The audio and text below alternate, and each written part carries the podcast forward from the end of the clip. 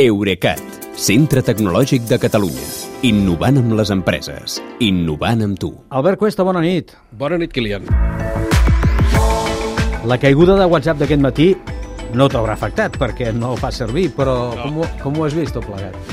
Home, jo mentre passava anava observant amb molt d'interès la, reacció, la reacció habitual dels usuaris que pateixen per quedar-se de, desconnectats al món tot i que t'he de dir que el nivell d'histèria a Singapur, a Holanda, a Itàlia i als Emirats per aquest ordre ha sigut encara més intens que aquí. Sí? Al final, sí, la veritat és que sí.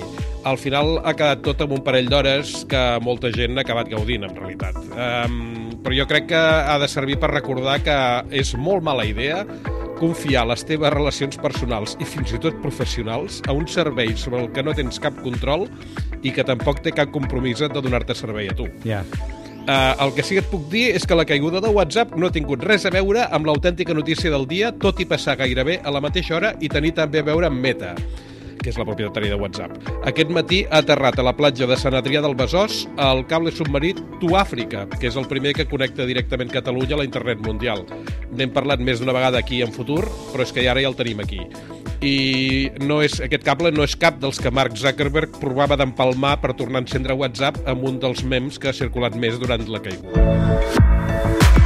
Una altra notícia que afecta tots els ciutadans, ens podrem, aquesta és molt clara, ens podrem descarregar el nostre historial mèdic digital de la sanitat pública en format normalitzat. Què vol dir això?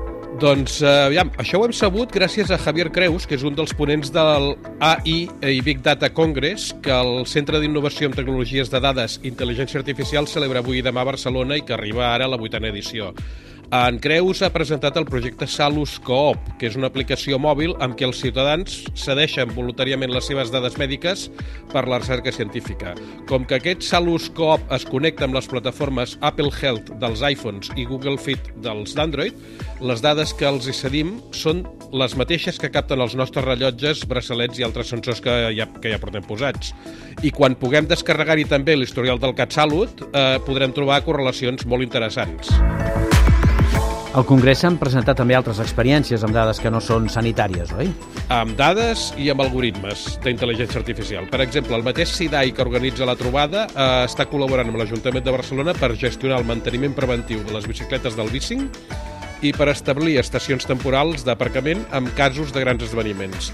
I col·labora també amb els Mossos per detectar conductors sense cinturó o que parlen pel mòbil i ho fa a partir de les imatges de les càmeres de trànsit.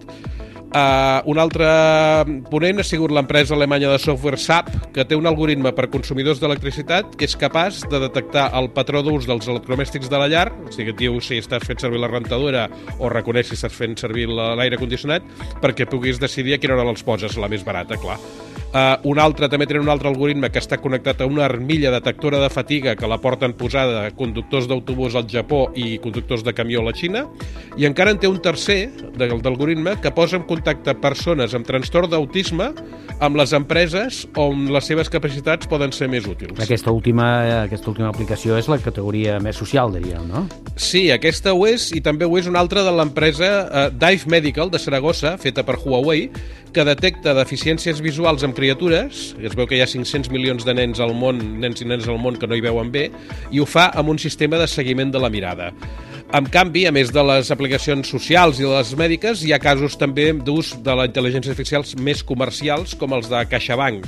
Uh, diuen que tenen un assistent virtual que es diu Neo, que cada mes manté més de 3 milions i mig de converses amb els clients sobre 60 tipus d'operacions diferents i que només amb el 20% dels casos acaba intervenint-hi un empleat humà.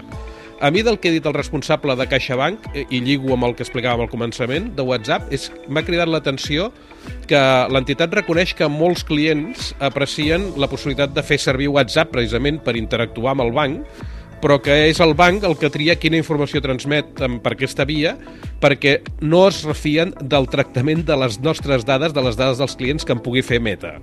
Davant de tants algoritmes, tots haurem de fer aquell curs d'intel·ligència artificial que ens vas explicar ara fa uns mesos, potser, no?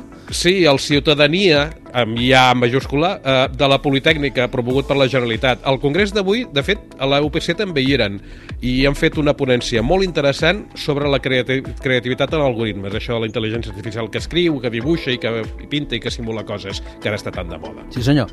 Doncs el que és moda absoluta és tenir un Albert Cuesta al programa. Això és impagable. Bueno. Mol moltes gràcies, Albert, gràcies. que vagi bé. Bona nit, Kilian, fins demà.